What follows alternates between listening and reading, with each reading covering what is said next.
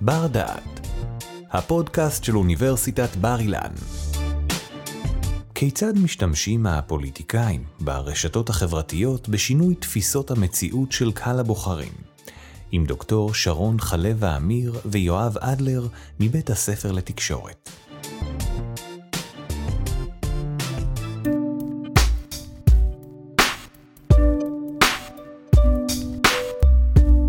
שלום, אני אורו טולדנו, ברוכים הבאים לפרק נוסף של בר דעת, בסדרה שלנו על הרשתות החברתיות ועל איך שהן משפיעות בגיבוש תפיסת המציאות שלנו. היום אנחנו נתמקד בעיקר בטקטיקות שמשתמשים בהן הפוליטיקאים והפוליטיקאיות בכדי לחדור לנו לתת מודע ולהשפיע על תפיסת המציאות שלנו. אני מניח שנתקלתם בפוסטים שבהם אתם רואים תגובות שחוזרות על עצמם בניסוחים דומים, מפרופילים שיש עליהם מעט מאוד פרטים, וכנראה מבינים שאתם עדים לפעילות של בוטים שמשפיעים על השיח ברשת.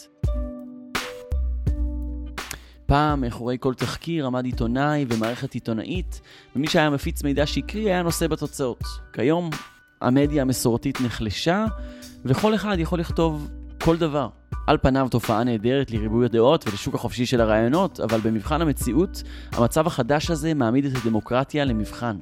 אלו הם לא רק הבוטים שניתן להשתמש בהם בכדי להשפיע על השיח, יש עוד דרכים מחוכמות הרבה יותר, ועליהן נדבר היום. זה ממש, כמו שאתה אומר, mind games. משחקי תודעה, וממש משחקים לנו במוח מבחינה הזאת שאנחנו לא יכולים לדעת מה אמת, מה אמת חלקית וכולי. בפרק הקודם דיברנו על בועות סינון או פילטר בבלס שמונעות מאיתנו לקבל תכנים שאנחנו לא מסכימים איתם, על בועות הדהוד שגורמות לרשתות חברתיות שונות להציף לנו בעיקר תכנים של אנשים שדומים לנו. ושתי התופעות האלו ביחד הן תוצאה של החברות שמתפעלות את הרשתות החברתיות. אבל כיצד ניתן להשתמש ברשתות בכדי להפיץ מידע פוליטי באופן זדוני? בהקשר הזה צריך לדבר על רשתות הפרעה ורשתות השפעה. כשאנחנו מדברים על אה, רשתות השפעה או הפרעה, תלוי מה אנחנו רוצים לעשות, אנחנו מדברים בעצם על רשת של חשבונות. זה יותר חזק בטוויטר, אבל יש את זה גם ברשתות אחרות, אה, גם בפייסבוק ובאינסטגרם וכולי, שמחוברים ביניהם, כשעל כולם שולט אדם הוא ארגון אחד מרכזי, יכול להיות נגיד משרד אה, יחסי ציבור וכולי. חלקם הם אה, מופעלים רק באמצעות אה, אלגוריתם, כלומר הם בוטים לחלוטין, חלקם אנשים בזהויות בדויות, וחלקם חימרות, שחימרה זה בעצם חשבון שיש בו גם רכיב אה, אלגוריתמי וגם אה, רכיב אנושי שמוסיף לאמינות באיזשהו אופן. זה מה שיוצר את המצב שכשאני רואה פוסט מאוד פופולרי של אחד הפוליטיקאים, או אפילו נושא שהוא שנוי במחלוקת, אני רואה המון תגובות שהן מגיעות מבוט, מפרופילים משונים, אני, אגב, יש לי תחביב להיכנס אליהם ולבחון אותם, ואלו נראים הרבה פעמים כמו פשוט חשבונות של אנשים לא כל כך מעניינים, או חשבונות ש... בלשון המעטה. זה כן. דרך, דרך אגב, זה תחביב מאוד יפה. סוג לא של הייתי... אה, בלשות דיגיטלית. אבל לא ישר הייתי מזהה שזה פרופיל מזויף. קשה להבחין בין פרופילים מזויפים לפרופילים אמיתיים. אה, זה לא כל כך קשה. אה, למי שמיומן בזה. אה, כבר ב-2016 פיל האווארד, אה, שהוא היום אה, במכון אה, אוקספורד לחקר האינטרנט, ממש קבע כללים, בין היתר, למשל בטוויטר זה היה אה, פרופילים שלא היה להם אפילו תמונה, אלא היה את ראש הביצה, נכנסו לפעילות רק לאחרונה, מפיצים ציוצים ברמה שהיא לא אה, הגיונית, כן. כן, לאדם רגיל. חברים, בקרב החברים שלהם יש רק אה, סוג של טיפוסים כאלה אה, וכולי וכולי וכולי. אה, עכשיו, אז אותן רשתות של האנשים האלה מרכיבים את מה שאת קוראת לו רשתות השפעה והפרעה. נכון. Uh, עכשיו, מה שקורה זה באמת, כמו שאתה ציינת, ישנם uh, uh, מספר דרכי פעולה עיקריות. אחת היא להפיץ מסר לא בצורה ישירה דרך פוליטיקאים, אלא בעקיפין, לכאורה על ידי אדם אה, לא קשור, לא מחובר, ואם אני אזכיר את אה, פרויקט הבוטים הגדול, אה, מאוד מאוד קשה אחר כך לדעת מי עומד מאחורי זה. בפרויקט הבוטים הגדול חשפו נועם רותם ויובל אדם קליקה בטוויטר, משמע קבוצה של אנשים שקשורה אחד לשני ופועלת בתיאום על מנת להפיץ מסרים, במקרה הזה של הליכוד וכנגד יריבים של המפלגה. אה, נחשפה רשת שהפיצה כ-130 אלף מסרים לכ-2.5 מיליון חשיפות, וכפי שציינה דוקטור שרון חלב האמיר, הרשת כללה בוטים כדוגמת החשבון משה, שהוא פיקטיבי לחלוטין והשתמש בתמונה של דוגמני ואני, וגם אנשים אמיתיים, כפי שהציג ראש הממשלה באותה מסיבת עיתונאים את קפטן ג'ורג' שאמר שהוא כותב את מה שהוא כותב, מה שהוא רוצה לכתוב. במסגרת התחקיר הוקלט בשיחת טלפון יצחק חדד, שהציג את עצמו כפעיל פוליטי סודי, אך מעולם לא הוכח הקשר לליכוד בבית המשפט. וכך אחת המסקנות העיקריות שעלו מאותו מקרה, הוא חוסר היכולת לחבר בין מפעילי רשתות הבוטים לבין הגורם שמזמין את השירותים שלהם. בהמשך לתחביב שלך, לי יש תחביב אחר, לראות מתי הרשתות האלה נופלות, ולפעמים רואים את זה תוך כדי, כשיש לנו בתגובות כל מיני, אה, נגיד, אה, מסר שחוזרים על עצמו פעם אחרי פעם אחרי פעם אחרי פעם אחרי פעם. אותם מילים, מיני, אותו בדיוק, ניסוח. בדיוק, בדיוק, בדיוק, בתוך אותו אחד, וזה כל מיני, אתה רואה בעצם שזה יצא משליטה, הניסוי התקלקל. ואז הרשת החברתית הרלוונטית עולה על זה ו- ומסלקת את כל המשתתפים? לא, הרבה פעמים זה נשאר ככה, ואנחנו לומדים את זה רק מצילומי מסך, שכל מיני אנשים שנורא אוהבים את הבלשות הזאת, עושים את זה בעצם בטוויטר. אבל מה עושים עם רשת כזו? בואי נגיד, ואנחנו אה, בעלים גאים של אה, רשת אה, להשפעה על דעת הקהל. איך אפשר להשתמש ברשת כזו של המון פרופילים שרובם פיקטיביים, חלקם לא? מהדהדים מסרים. בהקשר הזה, עוד פעם, אנחנו שוב, אפשר ממש אה, להבין בדיוק את חדרי ההדהוד ואת בועות הפילטר, אבל אני אוסיף עוד מונח, שהוא כמובן ספירלת השתיקה של אה, נואלה נוימן. אה, מה זה אומר? שמדבר על זה, זה כמובן תיאוריה מאוד מאוד ישנה, ובכלל לא קשורה אה, למידיה החברתיים, אבל היא דווקא מתעצמת במידיה החברתיים, והתיאוריה הזאת אומרת בעצם, שכש... אה, דעה מסוימת אה, מושמעת אה, בתקשורת בתדירות גבוהה, אוקיי? גם אם היא דעת מיעוט, היא עשויה ברבות הימים להפוך לדעת הרוב. מדוע? כי הרוב הדומם לא שומע את הדעה שלו, והוא בטוח שהדעה של אותו מיעוט רעשן, לצורך העניין, היא הדעה החשובה. עכשיו, כשאנחנו לוקחים את זה, אה, ונעשו מחקרים בהקשר, לרשתות החברתיות, אנחנו רואים שה... אה, אה, הענישה הסוציאלית על בן אדם שאומר משהו שהוא חושב שהוא יוצא הדופן ברשת החברתית, היא ענישה מאוד נוקשה. זאת אומרת, אה, יצעקו עליו ואולי יעשו לו unfriending וירדו עליו וכולי, אז הוא יעדיף לא להגיד דעה שמבחינתו הוא תופס אותה אה, כדעה מנוגדת לדעת הרוב, גם אם דעת הרוב הזאת היא לא בהכרח דעת הרוב. זאת אומרת, בצורה כזאת, אם תחבר את זה לרשתות ההפרעה וההשפעה, זה בדיוק עוד יותר מחזק לנו את הדבר הזה. ולמה זה ספירלה? כי זה תהליך ספירלי. כן. כי בצורה כזאת, היא בעצם הדעה שהיא אה, דעה אה, אולי אה, מאוד, אה, אה, אני אקרא לזה ככה, אה, common, בסיסית ומחוברת לכולם, פתאום היא נתפסת כאיזה משהו שבכלל אף אחד לא רוצה להגיד את זה, כי דווקא הדעה האחרת נשמעת ובהדהוד מאוד מאוד חזק מכולם. והתהליך הזה הוא גם מאוד עוצמתי, כי גם מי שמכיר את התהליכים האלו, אנחנו פשוט מתוכנתים, אנחנו יצור חברתי. ואנחנו נכון. רואים את דעת הקהל, ואנחנו לא רוצים להיות חריגים ושונים. נכון, בדיוק. ומופעל לחץ, גם תת-מודע, ולמי שמכיר את המנגנונים האלה, אה, לכיוון אה, דעה כזו. אה, ובמיוחד כשמשלבים את זה עם אה, בוטים ועם שימוש, שימוש ברשתות השפעה, אז זה הופך להיות רק עוד יותר אה, חזק ומשמעותי. נכון.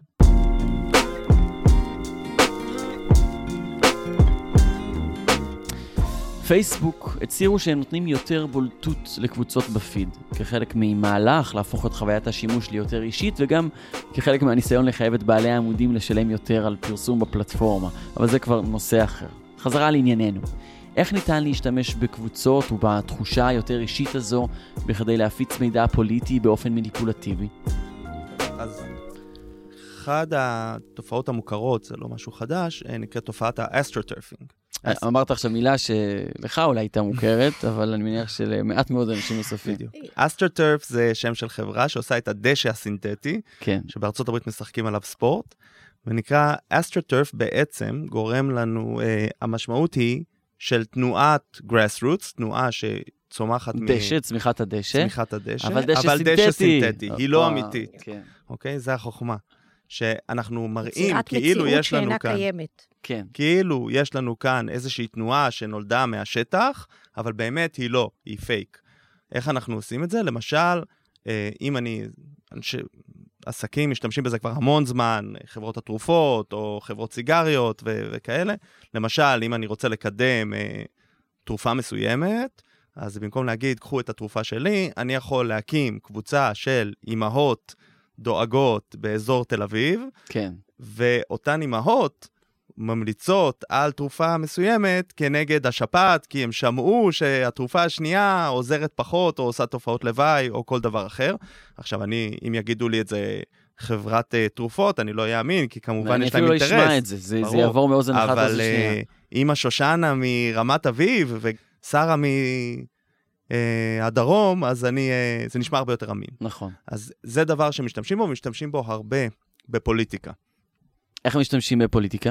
בזה? ישנם uh, כמה דרכים. דרך אחת זאת הדרך uh, בעצם uh, שיואב אמר, uh, שבה מקימים uh, קבוצה לכאורה uh, תמימה, כן. uh, ומתחילים בדרך לא דרך להפיץ דרכה uh, מסרים פוליטיים, והדרך האחרת היא להתלבש על קבוצה קיימת, שרמת הפעילות בה מאוד uh, פחתה, ויש מחקרים שמדברים ממש על מחזור חיים של קבוצה, וזה ידוע שיש דעיכה טבעית של קבוצות מסוימות. ואז בעצם משלמים מה הכוונה? לבעל הקבוצה. כן. יש, כן, אוקיי. בשביל שהוא ימכור להם את האדמין על הקבוצה, ומתחילים להפיץ אה, דרך אותה קבוצה מסרים שהם מסרים פוליטיים. עכשיו, מה היתרון בקבוצה כזאת, בשונה מהקבוצה הראשונה? שפה אתה כבר בא, יש לך קבוצה מן המוכן.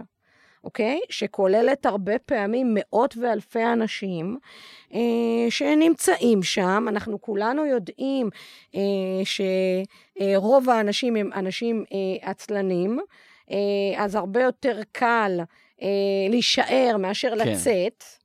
אה, ובצורה כזאת, בין אם אנשים רוצים או לא, אוקיי, אם כבר חברים בקבוצה, הם נחשפים לכל מיני מסרים. עכשיו, אז לדוגמה, אם אה, אני פותח קבוצה שנקראת אה, עסקים שפתוחים בשבת בתל אביב, אה, ואז יכול לצורך העניין, אחת המפלג... המפלגות שמפיצות משנים אה, את השם. פעולה בשבת, נגיד אה, מרץ או ישראל ביתנו, יכולים לקנות את הקבוצה. נכון, חלק כנראה יעזבו את הקבוצה, אבל חלק יישאר שם, נכון, ויוכל להיחשף נכון. לפול- לפוליטיקה של אותה מפלגה. לרוב המקרים הם אפילו משנים את השם, וממש אה, אה, לפני אה, מערכת הבחירות של אה, ספטמבר אה, 2020 2019, אה, נ- אה, נעשו מספר תחקירים, גם על ידי אה, קשת 12, גם בחדשות 13 וכולי, שממש בחנו קבוצות מסוימות אה, על טווח זמן, וכיצד השמות השתנו, והתכנים בתוכם השתנו. עכשיו, כן. אם הקבוצה הזאת היא קבוצה ציבורית, כולנו יכולים לראות את זה, אבל הרבה פעמים הקבוצות האלה הן קבוצות אה, פרטיות, ואז מי שמבחוץ לא יכול להגיב או להשתתף, לפעמים גם סודיות. ולהשתלט על קבוצה סודית, אתה יכול לעשות הרבה דברים שאף אחד לא יראה ואף אחד לא ידע. אז באמת יש כאן אה, שני סוגים שאפשר לדבר עליהם של אה, קבוצות כאלה. יש קבוצות אה, שאתה מקים מלכתחילה, אנחנו יכולים להסתכל על הרוסים. בבחירות של 2016, אז ראינו מצד אחד שהרוסים מקימים קבוצות בנושאים שונים, ומטפחים אותם במשך שנים. ומצד שני, אנחנו ראינו אה, שפתאום הם מצטרפים ומקימים קבוצות לאותו רגע. אה, והדבר הבאמת מעניין זה שהם לקחו קבוצות קיימות, או אה, נושאים קיימים ש, שרצו אה, ב, ב, בהרבה קבוצות, שכפלו קבוצות, בנושאים מסוימים, חברתיים, והשתמשו בהם. זאת אומרת, אחד הנושאים המפורסמים היה Black Lives Matter, שהיה אותו, אה, אותה תנועה, שבשנה האחרונה קיבלה אה, חשיפה עוד יותר גדולה, אבל להז, להזכיר לכולם, היא לא רק משנה שעברה, היא קיימת כבר כמה שנים. אה, והם גם הביאו לפעולה לאנשים, זאת אומרת, הם לא רק אה, אמרו להם אה, למי להצביע, או הוניעו אותם לכל מיני מסרים פוליטיים מסוימים, הם גם ניסו להביא אותם לפעולה. מה האינטרס זה... של, של, של הרוסים בהצלחתה של תנועת Black Lives Matter? אני לא יכול לדעת מה האינטרס של הרוסים, אבל אני יכול לדעת שלפי הפעילות בטוויטר, מראה שהם ככל הנראה אה, תמכו בטראמפ בבחירות, היה להם אינטרס ש, שהצד הרפובליקני יעלה לשלטון, ככל הנראה. היה להם אה, אינטרס אה, שבהתחלה, אה, מה שהם עשו, הם חיזקו את אה, ברני, והם אה, חיזקו את כך שמצביעי ברני, ברגע שהוא הפסיד והילרי נבחרה, לא יצביעו. כן. וזה תואם לבלק Lives Matter, כי הרבה מהם היו אה, תומכי ברני, ואז הם אמרו, בואו אה, נגרום לכם, פשוט לא כדאי לכם להצביע, ואז זה ייתן יתרון מספרי. אני יכול לתת דוגמה כלפי ישראל, דוגמה שאני, אה, חלק מהמחקר שלי, אז עקבתי אחריה. אה, היה אה, קבוצה שנקראת אה, Israel Bombs Babies. Okay? אוקיי? קבוצה שישבה באנגליה, אה, לא ישבה באנגליה, קבוצה רוסית שעבדה מול קהל בריטי, ועבד שם בוט שכל הזמן הראה אה, מתוך אותו סטוק של ציוצים, היה לו רשימת ציוצים שחזרו על עצמם, אה, עם הרבה פייק ניוז על, אה, על ישראל ופעילות של אה, ישראל כביכול בעזה כנגד אזרחים. Mm-hmm. וזה רץ במשך שנים, אה, מ-2011. Uh, הקבוצה הזאת רצה, וכל הזמן היא הייתה באותה, uh, באותה מסרים, Israel Bombs Babies, ככה נקראת הקבוצה וככה היא רצה. פתאום לקראת הבחירות, אה, ב- לקראת הברקזיט, סליחה, הם התחילו להפיץ מסרים אה, ב- בעד ברקזיט. מה הקשר? אוקיי, מה הקשר? במשך שנים, אם אתה מדבר על Israel Bombs Babies, אז אתה, ואנשים עוקבים אחרי אותו חשבון, זה אנשים כנראה שהם מהצד השמאלי הבריטי. כן. אוקיי? הצד השמאלי הבריטי היה בעיקרון נגד ברקזיט. הרוסים רוצים את ברקזיט. אז הנה אתה, יש לך אפיון קהל שנמצא, ואתה מנסה עכשיו, אומר, אוקיי, יש לי פה קהל שהוא שמאל, שהוא רוצה אה, נגד ברקזיט, ואני מעוניין שהוא יהיה בעד ברקזיט, לכן אני מפיץ לו את המסרים האלה מהצד השמאלי של המפה, ומסביר לו למה כשמאל, אפילו שמאל קיצוני, זה מראה כדאי לעשות את הברקזיט.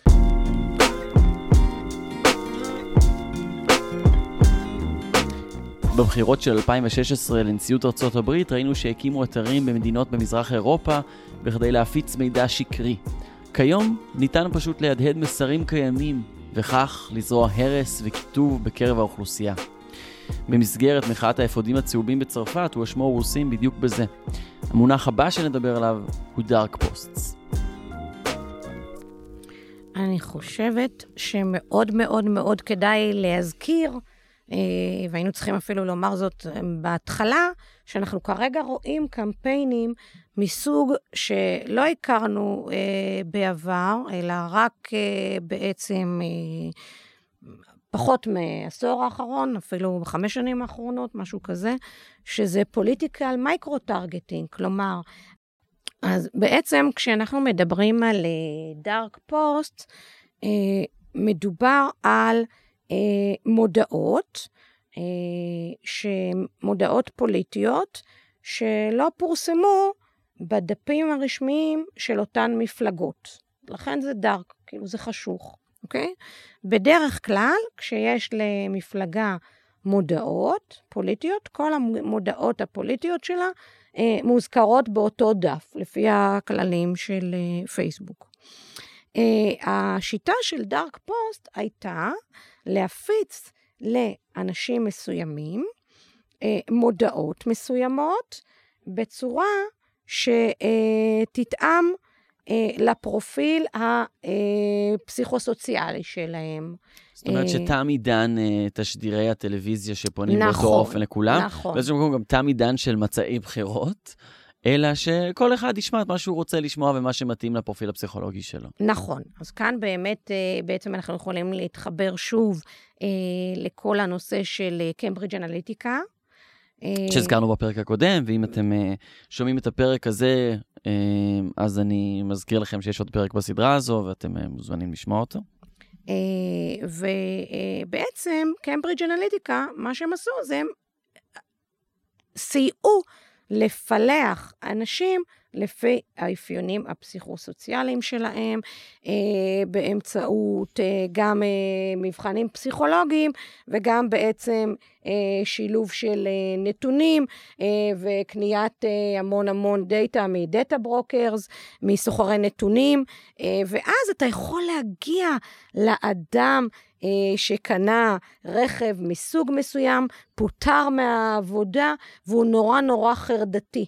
ולהתאים לו פוסט שיתאים אך ורק לו, כי בפוסט הזה יהיה מצוין שטראמפ לצורך העניין, אוקיי? ידאג לעבודתו ולא יקבל מהגרים, אה, הוא יקדם אה, בעצם את תעשיית הרכב אה, מסוג אה, מסוים, שבעצם זה תעשיות אה, מאוד מאוד של הצווארון הכחול בארצות הברית. אה, יפנה דרך הפניית המסר, תהיה עם מוזיקה מפחידה כזאת, מותאמת לטיפוסים חרדתיים וכולי וכולי וכולי. עכשיו, אותו אדם שמקבל את זה בפיד שלו, לא יודע שרק הוא, ג'ון ג'יימס, מ...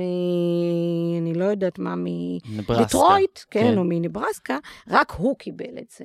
הוא מבחינתו חושב שכולם מקבלים את זה, והנה הפוליטיקאי בא ומציע לו בעצם אה, מסר כזה. זאת אומרת, עכשיו, לא רק שאפשר להבליט אה, מסרי בחירות מסוימים, לצורך העניין, אותו אדם היה יכול להיות חרד לגורל אה, כדור הארץ בהקשר של משבר נכון, האקלים, נכון. והיה אפשר להציף לו אה, מודעות בהקשר הזה, אלא גם שאני יכול לתת להם את הטון הספציפי שמתאים נכון.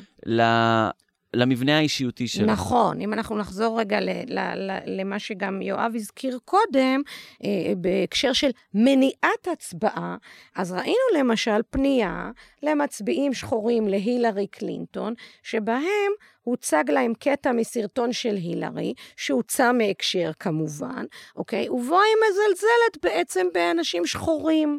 אוקיי? ואז הם ידעו בעצם המפרסמים שאותם שחורים כנראה לא יצביעו לטראמפ, אבל הם לא יצביעו גם להילרי, זהו, זה גמור, אוקיי? עכשיו, כמעט ואי אפשר לחקור נושא כזה של דארק פוסט, כי אתה לא יכול לדעת מי קיבל מה. בשביל אה, אותם אה, קמפיינרים, זה בעצם סוג של אה, אה, real time laboratory, מעבדה בזמן אמת, לבדוק את התגובות של אנשים, לראות מה אפשר להפיץ, מה אי אפשר להפיץ, וכולי וכולי. אה, וזה דבר מדהים, ופייסבוק כמובן אפשרה את זה. למרות שזה בעצם אה, נוגד את אה, כללי, ה... גם כללי הבחירות וגם כללי הפלטפורמה. זה גם, הדארק פוסט גם גורם לנו לשוב כאוס בעניין החוקרים וההבנה של הציפייה של הסוקרים, ואנליסטים של מה באמת קורה בזירה, כי אנחנו נחשפים רק למה שאנחנו רואים. גם זה עובר מוניפולציה, כמו שאמרנו, תת-תהודה וכולי, אבל כשיש משהו שאני לא יודע שהוא קיים בכלל, שרץ קמפיין שאני לא יודע שהוא קיים בכלל, נגיד שמטרגט אה, צעירים בני אה, 18 מאזור הדרום, אני בכלל לא יודע שהם קהל שכרגע מטרגטים אותו.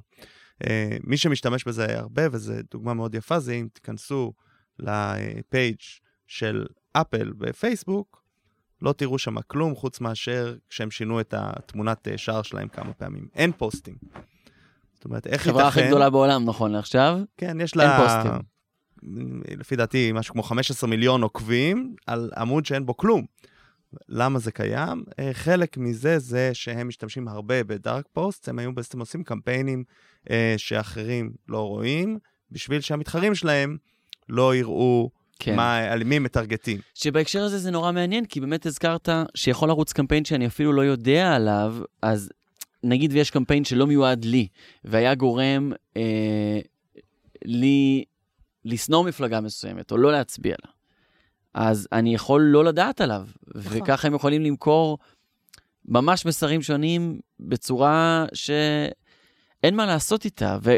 זה בדיוק ה micro-targeting, זאת כן. הפנייה המיקרו, כלומר, הספציפית, הנקודתית, המצומצמת, שהיא ההפך הגמור ממה שהכרנו בקמפיינים פוליטיים. עולה פה תמונת מציאות אה, מאוד עגומה, בכך ש...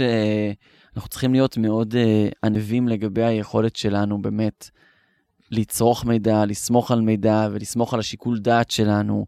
בעת שאנחנו עושים את זה, במיוחד דרך הרשתות החברתיות. אם תרשה לי להיות יותר עגומה, אני כן. חושבת שיש פה השלכות, uh, בתור מדענית מדינה, אני אדבר על זה, לגבי uh, משמעות התהליך הדמוקרטי של בחירות במאה ה-21 בתנאים הנוכחיים, מכיוון שאנשים אה, דעתם נחטפת מהם, אני לא מגזימה. אה, יש לנו פה ממש משחקי תודעה. אנשים לא יודעים את זה בכלל, שההחלטה שלהם היא לא החלטה מודעת ומיודעת דייה, מכיוון שהם לא יודעים את כל התמונה. כלומר, בעצם, אנחנו, אם אנחנו לוקחים את זה למישור החברתי, אה, פילוסופי, מדינתי, אנחנו בהחלט מדברים על זה שהשיטה הזאת פשטה את הרגל. לחלוטין. וזה לא מאפיין רק את ישראל, זה מאפיין את כל הדמוקרטיות בעולם המערבי. ואם uh, בעצם uh, אני אסגור איזשהו מעגל, כי אני התחלתי לחקור uh, uh, אינטרנט uh, בהקשר הפוליטי, uh, מתוך, uh, uh, לאחר שבעצם בשנות ה-90 uh, ניסו לחבר בין uh, uh, עליית האינטרנט לבין ירידת קרנה של הדמוקרטיה, ולנסות לפתור את חוליי הדמוקרטיה באמצעות האינטרנט ויצירת קשר uh, לא מתווך בין uh, פוליטיקאים לאנשים, וכו' וכו', והורדת כל המחסומים, אנחנו בעצם רואים שקרה ההפך הגמור. יש לנו בעצם שימוש במרחב המקוון אה, רק לצרכים של שיווק, אה, מניפולציות ומשחקים, ולא באמת על מנת ליצור את אותו קשר שיחזק וידגיש דמוקרטיות.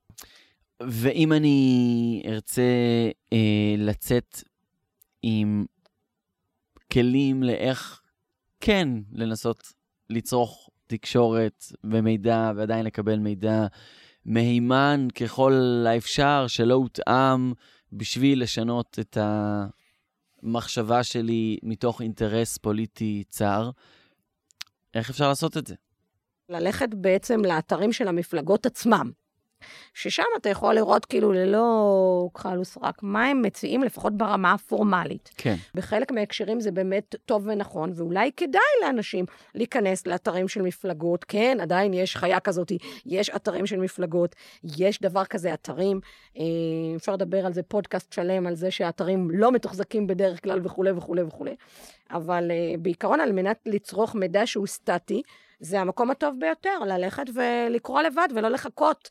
כלומר, אה, מה שנקרא לתרגל אזרחות אקטיבית, אם אני אומר את זה. בין אם להקשיב לאנשים שהם אה, מנוסים וחכמים ומבינים בנושא, אה, בין אם לגשת ולבדוק בעצמנו, בין אם להפעיל בעצם חשיבה ביקורתית לגבי כל דבר שאנחנו רואים.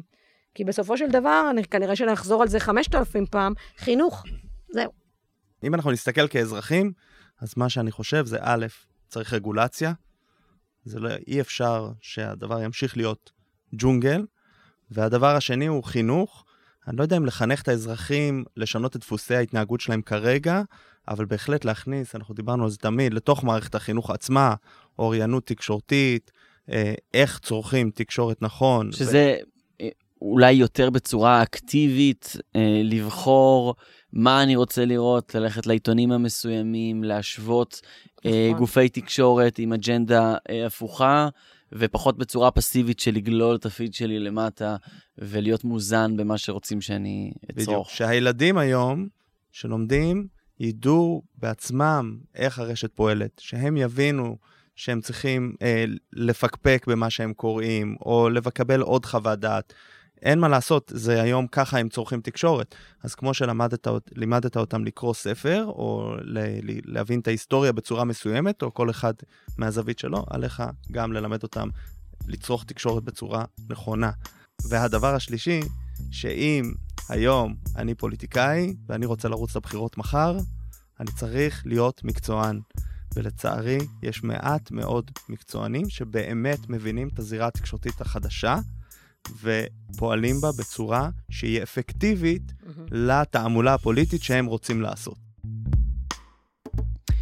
ביקורתיות ופרואקטיביות. תודה רבה ליואב אדלר ודוקטור שרון חלב האמיר מבית הספר לתקשורת.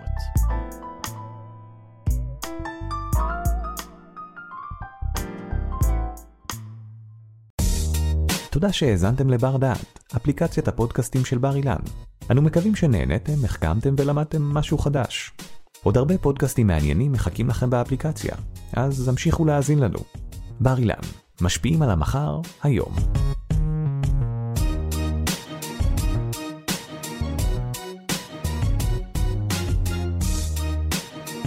ערך והפיק אורי טולדנו. תודה על ההאזנה.